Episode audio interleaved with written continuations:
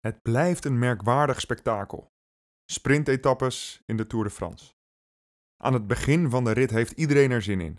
En aan het einde van de rit is er één iemand met wat verdwaalde lead-out mannen in opperbeste stemming, terwijl de resterende 95% van het peloton half depressief, letterlijk en figuurlijk de wonden likt in een omgebouwde touringbus. Als ik met negen maten een avondje op stap zou gaan, waarvan er één of twee de avond van hun leven hebben en al dan niet met een rondemis naar huis gaan, maar het voor de rest van de groep uitloopt op een teleurstelling van je welste, dan zou ik het toch geen geslaagde avond noemen.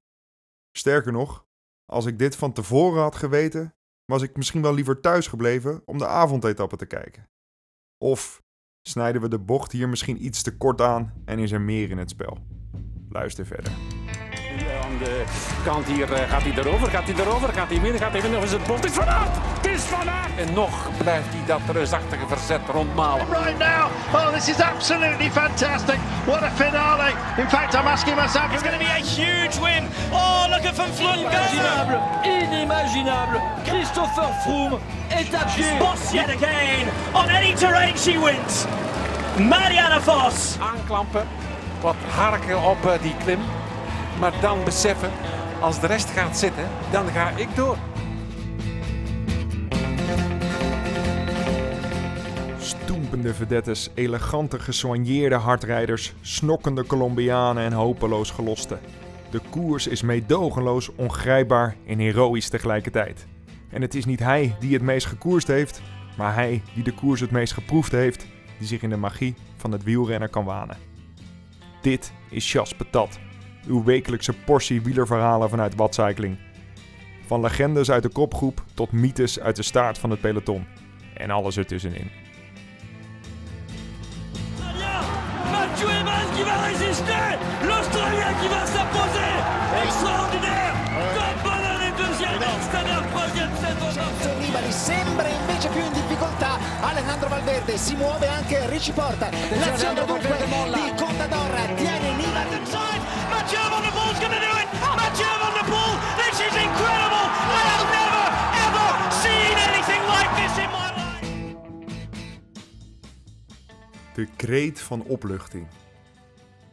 Het mooie van aan het werk zijn in het weekend is dat je jezelf dan door de weeks zonder schuldgevoel op een weekendmomentje kan trakteren. Afgelopen dinsdag was zo'n moment. Met nog ruim 70 kilometer asfalt tot de finish in Fougères te bestieren, had ik zomaar een klein uurtje aan vrije nutteloosheid. De helikopters brachten ook strelende beelden van het pittoreske stadje met prachtige eeuwenoude intact gebleven huizen, geplaveide straten en een van de grootste middeleeuwse forten van Europa. Het gebied is gelegen op beide oevers van de rivier de Nanson en wordt omgeven door talloze moerassen, waardoor het vrijwel onmogelijk was om er oorlog te voeren. Al is vrijwel niet helemaal. Het was er in 2015 voor het laatst oorlog, toen Mark, de Manx Missile Cavendish, werd afgevuurd en André Greipel en Peter Sagan daarmee liet ontploffen. Met nog genoeg tijd tot de apotheose besloot ik er een boek bij te pakken. Via denksporter Tim Fransen ben ik bij Tot het einde der tijden van de Amerikaanse natuurkundige Brian Greene terechtgekomen. Een waanzinnig boek waarin hij zijn perspectief loslaat op de betekenis van dit alles, het bestaan, de kosmos, maar ook over de mogelijke uiteenspatting van dit universum. Ja, je hoort het goed. Uiteenspatting van dit universum. Een mysterieuze kracht, die ook wel donkere energie wordt genoemd, is een soort zwaartekracht wat afstoot in plaats van aantrekt. En deze energie zou verantwoordelijk zijn voor het uitdijen van het heelal. En nu komt het. Mocht deze energie sterker zijn dan de krachten die alles bij elkaar houden, dan is alles, van mensen en organismen tot planeten en sterren, de pineut. Om in de soepele woorden van Green te spreken, je zwelt op en scheurt uiteindelijk in stukken, net als alles en iedereen.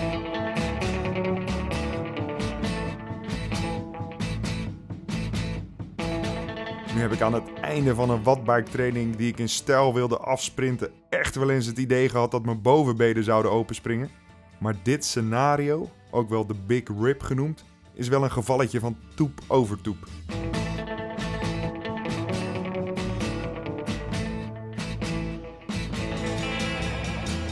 Het klinkt allemaal wat onheilspellend, maar het goede nieuws is dat dit niet het meest waarschijnlijke scenario is. Al zijn de anderen niet heel veel beter. En het nog om en nabij 80 miljard jaar zal duren voor dit het geval zou zijn. Er is dus nog genoeg tijd voor Pogacar en Evenepoel om allebei zeven keer de Tour de France te winnen. Mathieu van der Poel kan zich gerust plaatsen voor de Olympische Spelen van 2032 op 17 verschillende disciplines. En Alejandro Valverde kan minimaal tot zijn 74ste blijven koersen in het peloton.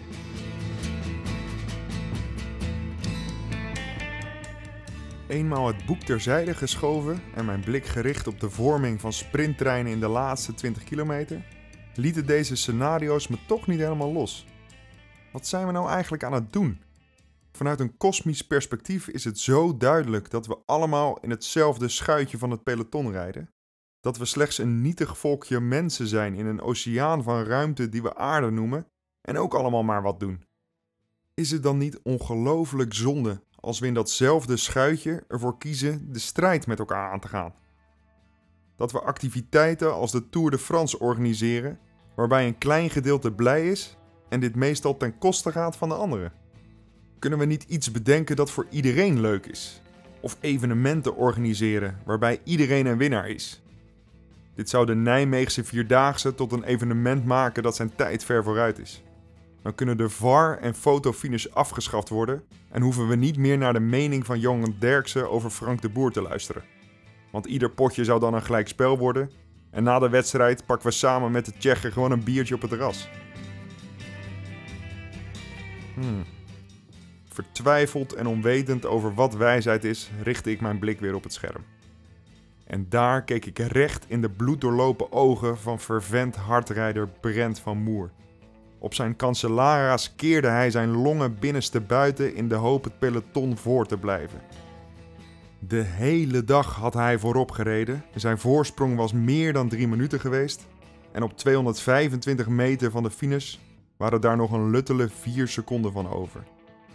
Het peloton denderde als een oververhitte stoomwas tegen de 70 km per uur op zijn achterwiel af. En waar Brent van Moer kort geleden nog de verpersoonlijking van snelheid leek te zijn, lijkt hij nu in slow motion stil te vallen.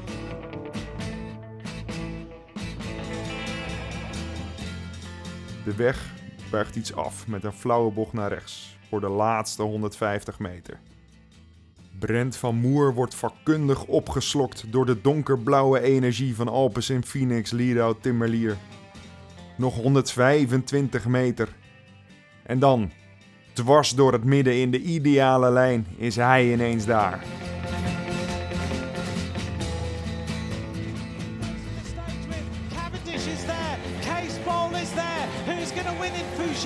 Is it going be Cavendish? Cavendish takes the stage.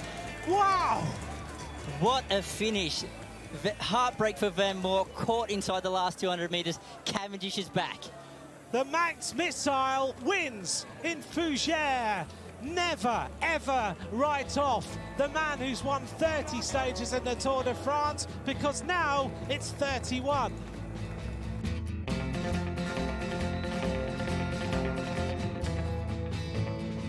Zijn verzet op 54-11. Zijn benen op het punt om uit elkaar te rippen. Maar daar trekt deze Cav zich niets van aan. Cannonball Cav, de Manx Missile, erop erover en dwars door de geluidsbarrière heen. Het is Mark Cavendish die vijf jaar na zijn laatste overwinning als eerste over de meet komt. Hij slaat de handen voor de ogen en legt ze daarna van ongeloof op zijn hoofd. Met het hart bonzend in de keel probeer ik de afstandsbediening tussen de kussens van de bank vandaan te trekken om het volume iets op te schroeven als ik plots het geluid hoor.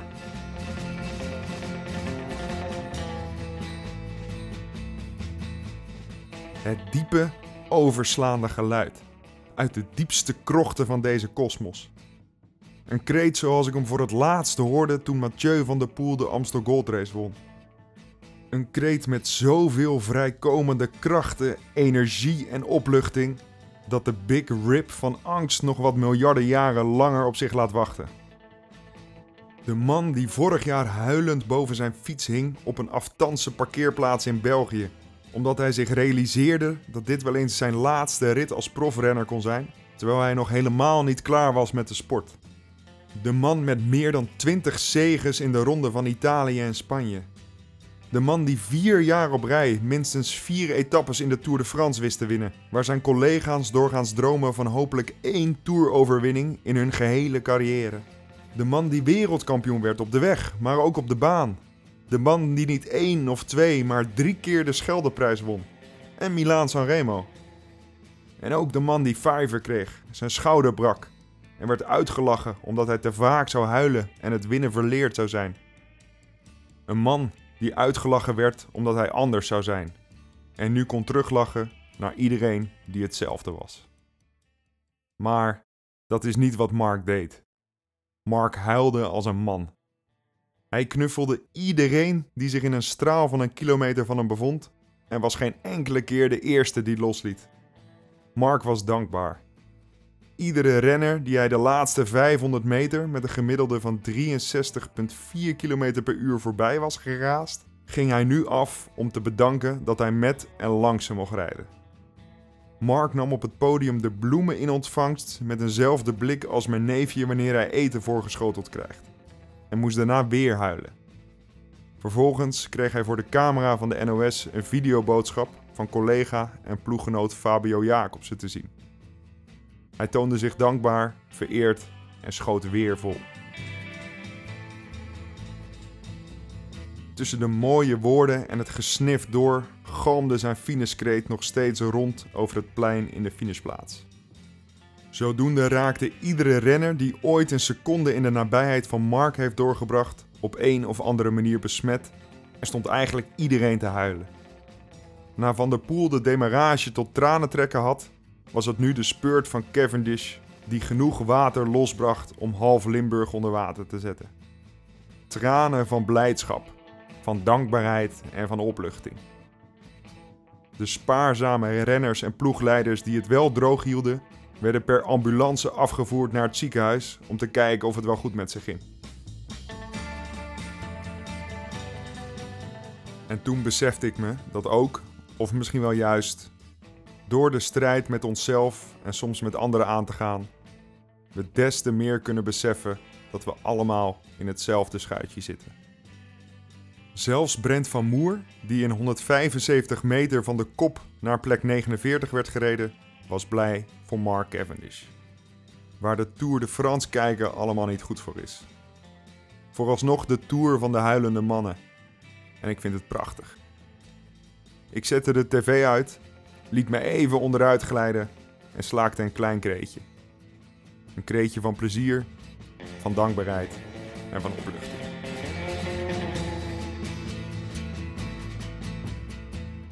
Bedankt voor het luisteren naar Chas Patat. Abonneer je op het Chas Patat kanaal om op de hoogte te blijven van nieuwe afleveringen. En het helpt ons ook weer om gevonden te worden door nieuwe luisteraars. Lees je liever zelf? Ga dan naar watcycling.nl slash chas patat. Want het is de streep die telt.